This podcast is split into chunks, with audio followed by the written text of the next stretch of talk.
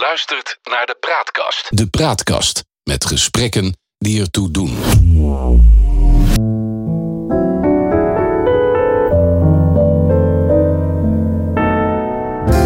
Welkom bij het Geheugenpaleis. Mijn naam is John Knierim en samen met Han van der Horst maken we deze podcast.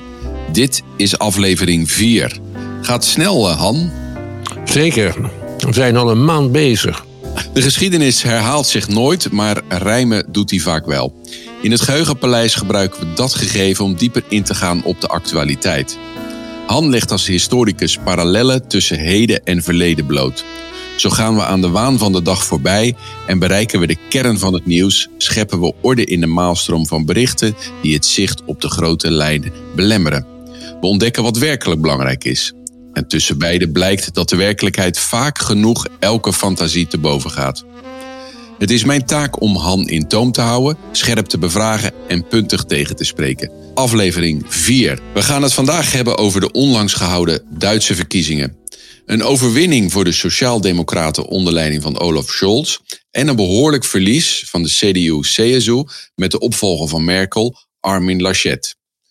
De komende tijd zal duidelijk worden welke coalitie een kabinet gaat vormen en wie daaraan als bondskanselier leiding zal gaan geven. Dat is een wezenlijk ander politiek speelveld dan de afgelopen jaren, toen de SPD en de CDU-CSU samen de dienst uitmaakten. Op dit moment is duidelijk dat er wat dat betreft vele opties zijn met allerhande exotische namen, zoals de Stoplichtcoalitie, de Jamaica-coalitie of misschien wel de Kenia-variant. We hebben het dan niet over COVID. Of simpelweg de voorzetting van de GroKo, de grote coalitie, de huidige coalitie van CDU-CSU met de SPD, waar alleen het kanselierschap stuivertje zal verwisselen. Het zou echter wel eens een lang formatieproces kunnen worden. Hoe het ook zij, in grozen kansen zou je kunnen stellen dat Duitsland, in tegenstelling tot andere landen, niet naar de politieke flanken zijn uitgeweken. Zowel extreem links als rechts komen er nauwelijks aan te pas.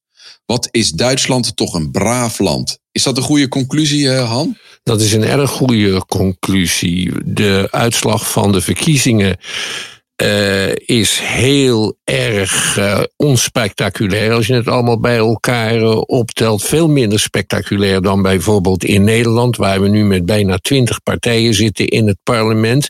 En een kwart van de kiezers op extreem populistische partijen stemt. In uh, Duitsland is dat maar de helft. De ja. alternatieve Vuur Duitsland, zeg maar, de Duitse Partij van de Vrijheid, heeft zelfs een beetje verloren. Die zitten op iets meer dan uh, 10%, waarvan een groot deel dan ook nog te vinden is in de voormalige DDR, in uh, Sachsen en Turingen deed de partij het verschrikkelijk goed bij de erststemmen. U weet, Duitsers stemmen twee keer. Eentje voor een kandidaat en eentje voor een uh, partij. Bij de erststemmen in, uh, in Saxe hebben ze zelfs een kwart. Dat is toch nog wel iets minder dan de vorige keer.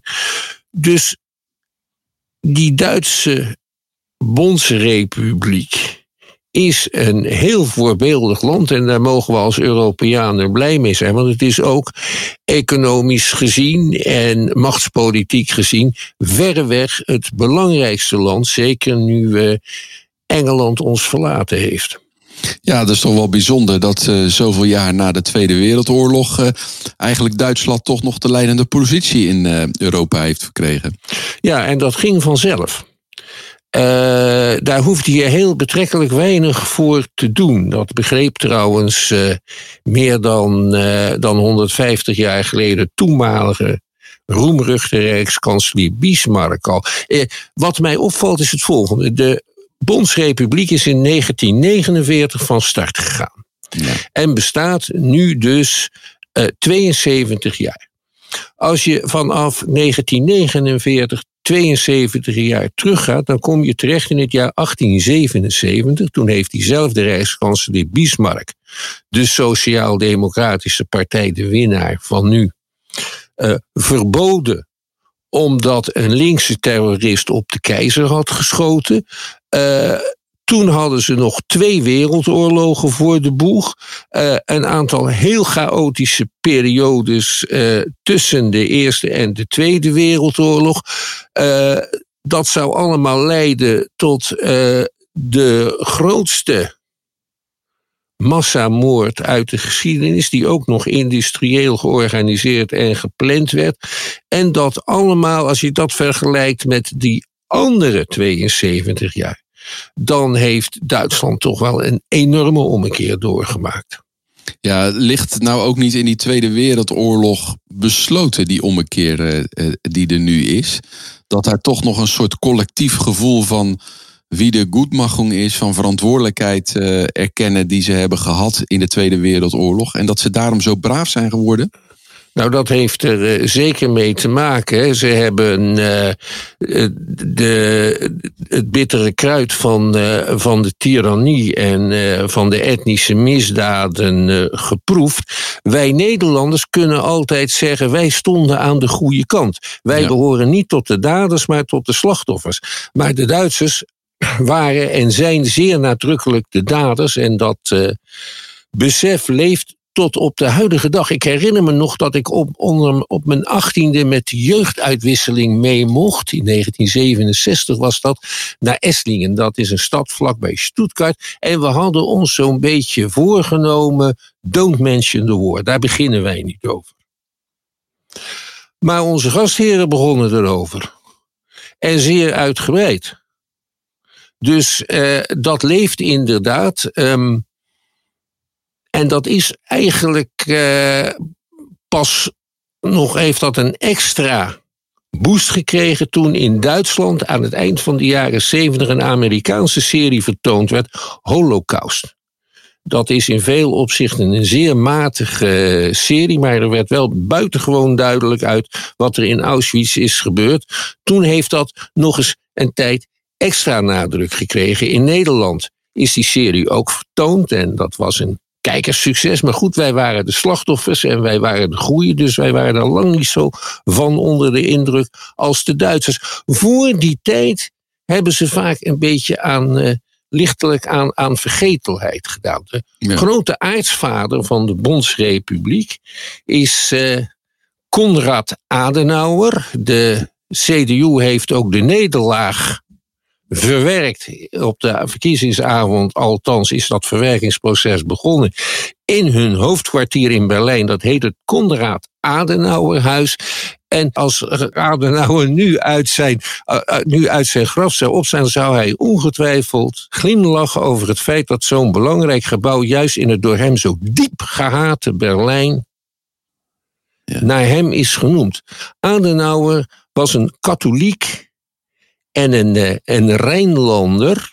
Hij was de eerste bondskanselier, eh, bondskanselier na de Tweede Wereldoorlog. Na de Tweede hè? Wereldoorlog. Hij is een van de grondleggers uh, van de CDU. Maar hij had zelfs in het keizerrijk, moet je nagaan, al een grote carrière als topambtenaar gemaakt. En hij was tijdens de Weimar-republiek een zeer succesvol burgemeester van Keulen geweest. En nou moet je weten dat we gaan weer erg aan geschiedenis doen, ben ik bang, in 1815 het Rijnland bij Pruisen is gevoegd. Mm -hmm. En zo kwamen de katholieke carnavalsvierders onder de heerschappij van een nogal militaristische bureaucratie terecht. Dat kan je nog steeds aan het, het Rijnlandse carnaval merken, want je merkt daar heb je dansmariekes en allerlei andere formaties. Die lijken wel een beetje op paraderende soldaten. Dat klopt ook. Dat is destijds meer dan 150 jaar gevonden, uitgevonden om de Pruisische overheersers te zieken. Ja, grappig. En Adenauer vond het in zijn hart eigenlijk helemaal niet zo verschrikkelijk erg. Uh, dat Berlijn en grote delen van het voormalige Pruisen nu in de DDR zaten. Hij heeft zijn bondsrepubliek onmiddellijk en zoveel mogelijk ondergebracht in het uh, westerse bondgenootschap. Hij heeft ervoor gezorgd dat Bonn de voorlopige hoofdstad werd van uh, de Duitse Bondsrepubliek, zolang het oosten nog in uh, communistische handen was. En eigenlijk was hij daarmee wel tevreden, deze katholieke man. Dat is uh, een van de redenen waarom het oude West-Duitsland zo'n succes is geworden. En eigenlijk werd pas aan het eind van de jaren tachtig een hereniging uh, mogelijk. Die is tot stand gebracht ook door een CDU-premier Kohl in, uh, in 1990. Uh, eh, maar of Adenauer dat nou zo'n geweldig goed idee had gevonden in het diepst van zijn hart, dat, dat weet ik niet. Overigens, wat voor ons veel belangrijker is. Toen dat Duitsland eenmaal herenigd dreigde te worden, toen vreesden toch andere Europese regeringen wel de groeiende macht van, eh, van Duitsland. En vooral de keiharde munt van dat Duitsland, die ook tot stand is gekomen, krachtig is geworden onder die Adenauer en zijn beroemde minister van Economische Zaken Ludwig Erhard, de DM, de Duitse mark. En toen heeft Kool besloten om in alle opzichten akkoord te gaan met de euro. De euro, een van de doelen van de euro is om Duitsland ermee te temmen. Dat moet je uitleggen. Waarom, waarom zou de de, de, omdat, de, eh, omdat de D-mark tot dan toe de sterkste munt was in, uh, in Europa? Ja, uh, in, uh, in Frankrijk en Italië dacht men als we nu die gezamenlijke eenheidsmunt hebben, dan wordt Duitsland een beetje ingetoond. Anders gaan ze via die Duitse mark van hun de Europese economie totaal beheersen. Of dat een juiste gedachte is, dat, dat weet ik niet. Je hoort economen altijd zeggen: het besluit om de euro in te voeren had te maken met machtspolitiek. Dus um, dat uh, laat ik verder aan de economen of ze daar gelijk in hadden. Maar het was inderdaad eerder een politiek dan een economisch verantwoord besluit om die euro in te voeren. En nu kunnen we er niet meer van af. En Duitsland is tegelijkertijd toch de grootste economie eh, van de, van de eurozone. En in, in veel opzichten heel bepalend. En dat is eigenlijk al heel lang zo. De, Duitsland is in het keizerrijk onder de beruchte Wilhelm II de grootste economie van Europa geworden. Die zijn zelfs Engeland vooruitgestreefd. En er was toen een uitspraak over de Eerste Wereldoorlog in Engeland gedaan. En die luidde als volgt. Uh, not Germany made the war, but made in Germany made the war. Dus dat is allemaal eigenlijk hetzelfde gebleven. En je zou kunnen zeggen dat door diplomatie en onwillekeurig Duitsland nu samen met Frankrijk overigens een, uh, maatge de maatgevende macht in Europa is geworden. Dat is allemaal vanzelf gegaan. Daar hoef je geen twee wereldoorlogen voor te voeren. Nee. En tegelijkertijd zie je eigenlijk dat die, die, die kanselieren of kanseliers, die, die ja, zo de afgelopen jaren hebben geregeerd, dat dat eigenlijk allemaal overtuigde Europeanen waren. Allemaal erg eigenlijk in het midden stonden. En ja, eigenlijk een soort baken in Europa zijn geworden. Ook van redelijkheid en billijkheid. Of zie ik dat fout? Dat geldt voor, voor Merkel. In zekere zin ook voor Schreuder en Kohl, die daarvoor, die daarvoor zaten. Maar ook mensen als uh, Willy Brandt en Helmoet Schmid. Dat waren toch zeer gezaghebbende en zeer gerespecteerde uh, mensen. Ja, en daar stemden die uh, Duitsers ook keurig op. Dat is, uh, dat is erg belangrijk. Ze lieten zich niet verleiden door allerlei populistische stokenbranden of, of extreemrechtse schrijvers. Hoewel het daar in Duitsland natuurlijk niet aan ontbreekt. Maar hun aanhang is gewoon percentueel veel minder dan, uh, dan tegenwoordig in Nederland. En dat is toch wel een opmerkelijk verschijnsel. Want dat radicalisme, dat bestaat zeker. Duitsland kent bijvoorbeeld een, eh, een extreemrechtse opiniepers. Eh, waarvan het belangrijkste blad is eh, de Jonge Vrijheid. En dat lees je met verbijstering. Daar staat van deze dagen op hun website bijvoorbeeld dat de AFD het toch wel lekker gedaan heeft met de laatste verkiezingen. En dat je krijgt uit dat blad de indruk dat alleen bij die AFD eh, de hoop ligt. Maar nogmaals, 10% van het uh, kiesvolk stemt daarop. Die zitten vaak ook nog in het oosten. Dat zijn vaak ook nog ouderen. Er is een uh, sondering gedaan onder de jongeren in Duitsland. De personen beneden de 30 zijn niet de CDU en de SPD de grootste partijen, maar de Groenen en de Liberalen van de FDP.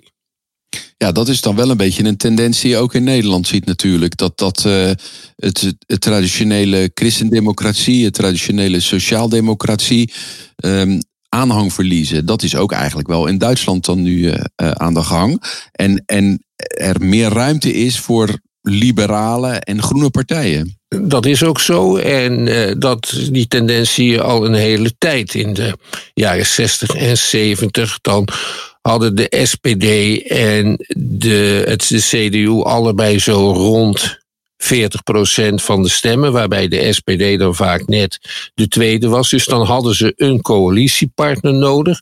Ja. En dat waren dan in het, het algemeen de liberalen. Ja. Uh, en nu is dat niet zo makkelijk meer, omdat uh, eh, SPD en CDU rond de 25% schommelen. Die zijn behoorlijk teruggelopen. En dat is structureel. Ja. Ja, wat dat betreft wel, een, wel uh, vergelijkbaar met, met de, zeg maar de, de Nederlandse situatie. Waarbij duidelijk wat minder op de flanken groei waar te nemen is. Ja, de Groene Partij in, in Duitsland is ook gematigder dan GroenLinks in Nederland. Ja, want die, eh, die, die, die maken dan toch filmpjes waarin ze vrolijk staan te barbecuen. Omdat ze niet de indruk willen wekken dat er straks niet meer gebarbecued kan worden. Dus die proberen heel salonveeg te worden, denk ik. Eh. Ja, dat is een nette keurige partij. Er zijn wel grote verschillen met eh, de FDP, denk ik. Want de achterban van van de, de, Duitse, de Duitse Groenen is eerder geneigd tot een coalitie met de SPD dan, dan met de, de CDU. Maar het zou in principe wel kunnen. Ja, je zou kunnen zeggen dat eigenlijk dan dat in de cultuur van Duitsland besloten zit. Maar misschien heeft daar ook te maken met de wijze waarop het kiesstelsel is vormgegeven. Uh, dat de redelijkheid komt bovendrijven. Een, uh, een, een, een, een Angela Merkel was natuurlijk eigenlijk een, ja, een toonbeeld van, van saaiheid en fatsoenlijkheid. Ja, de dochter van de dominee. Uh, opgegroeid in de DDR. Lid van de, uh, van de Oost-Duitse CDU. In Oost-Duitsland hadden ze namelijk zogenaamd een veelpartijensysteem.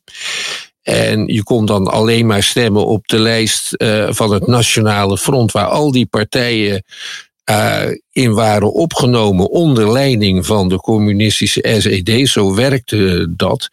En die uh, Oostpartijen die zijn min of meer opgegaan in de Westpartijen na de hereniging van Duitsland. Je had ook liberalen in Oost-Duitsland, zogenaamde liberalen. En zelfs had je een nationaal-democratische partij en een rechtsnationalistische partij, zogenaamd. Maar die volgden allemaal de lijn van de SED. Ja, allemaal werden die uiteindelijk onder het communistische uh, ja, regime uh, geplaatst uh, daarin. Ja. Angela Merkel is daarna uh, opgekomen, is een, wordt Mutti genoemd in Duitsland. Wordt in Europa ook eigenlijk gezien als, als toch wel een van de belangrijkste politica, politiek, die we de afgelopen jaren gekend hebben. Wat, het zou wel eens dat er nu een vacuüm zou kunnen ontstaan in Europa door, doordat we zo'n machtswissel krijgen in Duitsland. Hoe kijk jij daar tegenaan? Ik denk dat dat nogal meevalt. Als we naar Olaf uh, Scholz gaan kijken, de, de, de kanselierskandidaat van de SPD. Dat is uh, nu al de vice-kanselier. Die is minister van Financiën. Die heeft een zeer uitgebreide bestuurlijke ervaring.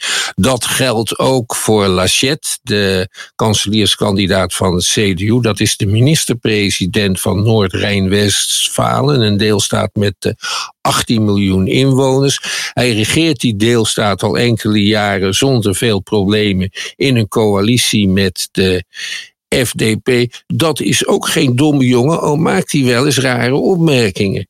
Uh, wat dat betreft lijkt hij lijkt hij op Helmoet Kool. Helmoet Kool werd in heel Europa in zijn eerste jaren nogal belachelijk gevonden, want die deed vreemde uitspraken en uh, dat was een onnozele hals. En die Kool, die gaf ook graag zijn omgeving de indruk dat hij een onnozele hals was. En als je dat eenmaal begon te geloven, dan sloeg hij keihard toe. Ja, Want- ja, dat- is gewoon tactiek van hem. Ja, dat is het met die, niet dat die Lachette daar, daar, daar met, met voor, voorbedachte raden stond te lachen, bijvoorbeeld eh, tijdens eh, een bezoek aan de overstroming.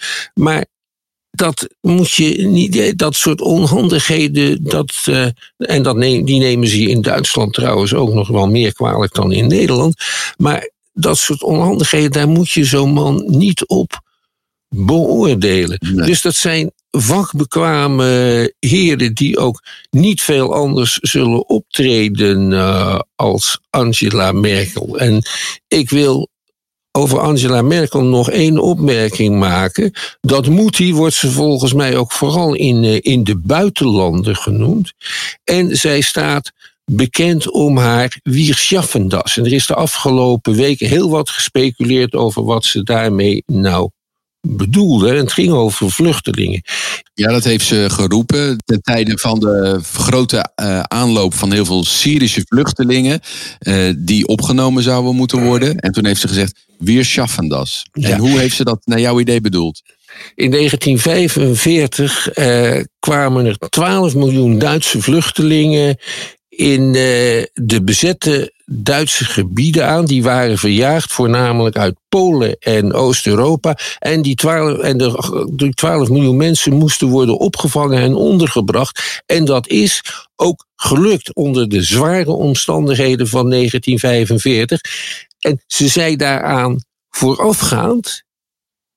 We hebben wel voor hetere vuren gestaan of dat soort woorden. Wir schaffen das. Dat hadden ze in 1945 namelijk ook gedaan met veel en veel meer mensen. En ik weet wel zeker dat ze op dat moment daaraan dachten. En dat Ja. Wir schaffen das is vervolgens op grote schaal in heel Europa verkeerd geïnterpreteerd. Vooral door de rechterflank van de politiek, die vonden daarin aanleiding om haar in haar gezicht uit te lachen. Maar ze had gelijk. De Duitsers hadden voor hetere vuren gestaan. En als we kijken hoe het verder gegaan is met die opvang van die vluchtelingen, dan valt dat allemaal wel mee. Het is inderdaad wel gelukt. De Duitsers begrepen dat ook, dat weet ik ook zeker. Want die gingen, nadat die weer Schaffendas toespraak, de vluchtelingen op het station welkom staan te heten met eh, koffie en broodjes. En die koffie en broodjes waren er niet in 1945. Maar de Duitsers in, het, in de kernlanden waar die vluchtelingen aankwamen, hebben dat toen wel gedaan. Ja. Ook daarbij zou je kunnen zeggen, nog steeds doordecemd van dat besef Ja. van eh, de, de, de, de zonde in de Tweede Wereldoorlog. Ja, en ze weten veel beter dan wij. Je kunt zelf ook vluchteling worden. Ja, Want Ja. als opa, Wolfsburg bijvoorbeeld, de grote stad van, eh, van Volkswagen, eh, die heeft een hele grote categorie van de bevolking bestaande uit die vluchtelingen, die toen Volkswagen eh, weer opkwam na de Tweede Wereldoorlog, daar werk vonden. ja. Hey, even als we naar de toekomst kijken. Duitsland, de grootste economie van Europa.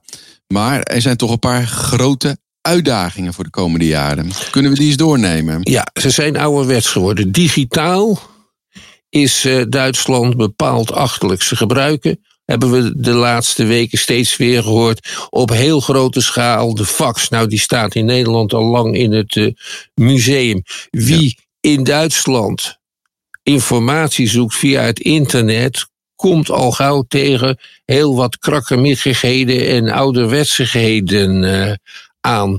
Hun telefoonsysteem is niet aan de maat, enzovoort. Je kan, niet, eh, je kan ook op heel veel plekken nog niet eens pinnen volgens mij. eh. Nee, ze werken heel erg met cash. Het is eh, wat dat betreft aan het achterblijven. En dat, die achterstand moet Duitsland natuurlijk snel inhalen, omdat anders hun industrie de concurrentie met het buitenland niet eh, aan kan. Ze hebben erg veel plezier gehad van eh, grote bestellingen uit China, maar dat kan natuurlijk ook niet eeuwigdurend zijn. Dus Duitsland moet een heel groot technologisch moderniseringsproces ondergaan. Ja, welke uitdagingen zijn er nog meer? De energiewende loopt ook een beetje vast, volgens mij. Duitslands stroom komt nog, uh, komt nog heel vaak uit, uh, uit bruinkool, bijvoorbeeld. Angela Merkel is wel rukzichtloos opgehouden met kernenergie. En zij heeft besloten van Duitsland een schone energieland te maken. Maar dat vergt nog enorme inspanningen, net zoals in Nederland. En dat gaat ook verschrikkelijk veel kosten. En daar gaat de FDP, de onvermijdelijke coalitiepartner, een grote rol in spelen. Want de leider van die partij die grosseert in opmerkingen als. Uh, uh, je moet het geld eerst verdienen voordat je het kunt verdelen. Ze denken dat ze met innovatie die energiewende tot stand kunnen brengen. En ze zijn een beetje huiverig voor verboden of voor iets wat uh, in Nederland vaak gehoord wordt, dat je verkeerde vormen van energie moet beprijzen, heet dat, daar zware accijnsen op leggen en zo. Daar zijn die liberalen niet voor te vinden. De groenen zijn daar veel meer voor te vinden. Uh, ik denk dat Olaf Scholz in zijn hart hoopt dat hij een coalitie tot stand kan brengen met de groenen en de liberalen, want hij is zelf een zeer gematigde man politiek en hij staat rechts in de SPD, en dan kan hij de Groenen en de Liberalen mooi tegen elkaar uitspelen en ergens in het door hem gemenste midden uitkomen. Ja. Als het hem lukt de coalitie tot stand te brengen. Ja. Andere uitdagingen? Die, uh, gewone infrastructuur, de, de we, het wegennet, dat soort zaken? Het wegennet, uh, daar zijn, wordt op het moment hard aan gewerkt. Uh, die autobanen die stammen nou, voor een heel klein gedeelte, maar overigens uit de tijd van Hitler en voor een heel groot gedeelte uit de eerste twintig jaar na de oorlog. Daar mag ook nog wel eens wat aan gebeuren. En verder is daar natuurlijk het leiderschap in, in Europa, wat de Duitsers traditioneel proberen uh, op zich te nemen samen met de Fransen. Ook dat danken ze aan Adenauer. Adenauer heeft in de laatste periode van zijn kanselierschap een uh, vriendschapsverdrag gesloten met Frankrijk. En de grote uh, voorstander van dat vriendschapsverdrag in Frankrijk, dat was generaal de Gaulle, die zelf uitstekend Duits sprak, die opgegroeid is in Lotharingen in de buurt van de Frans-Duitse grens.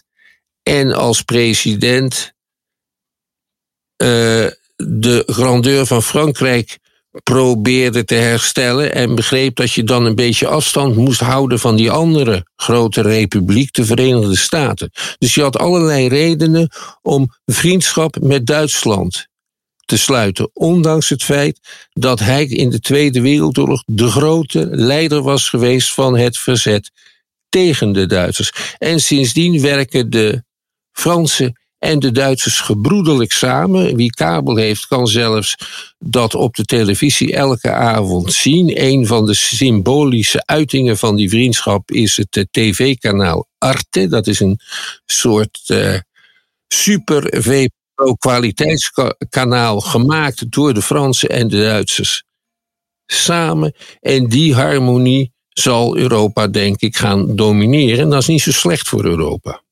Ja, met andere woorden, het, het lijkt dat uh, veel van hoe het nu is, ook de komende jaren gecontinueerd zal uh, gaan worden. Zeker, tenzij er verschrikkelijke buitengebeurens zich voordoen.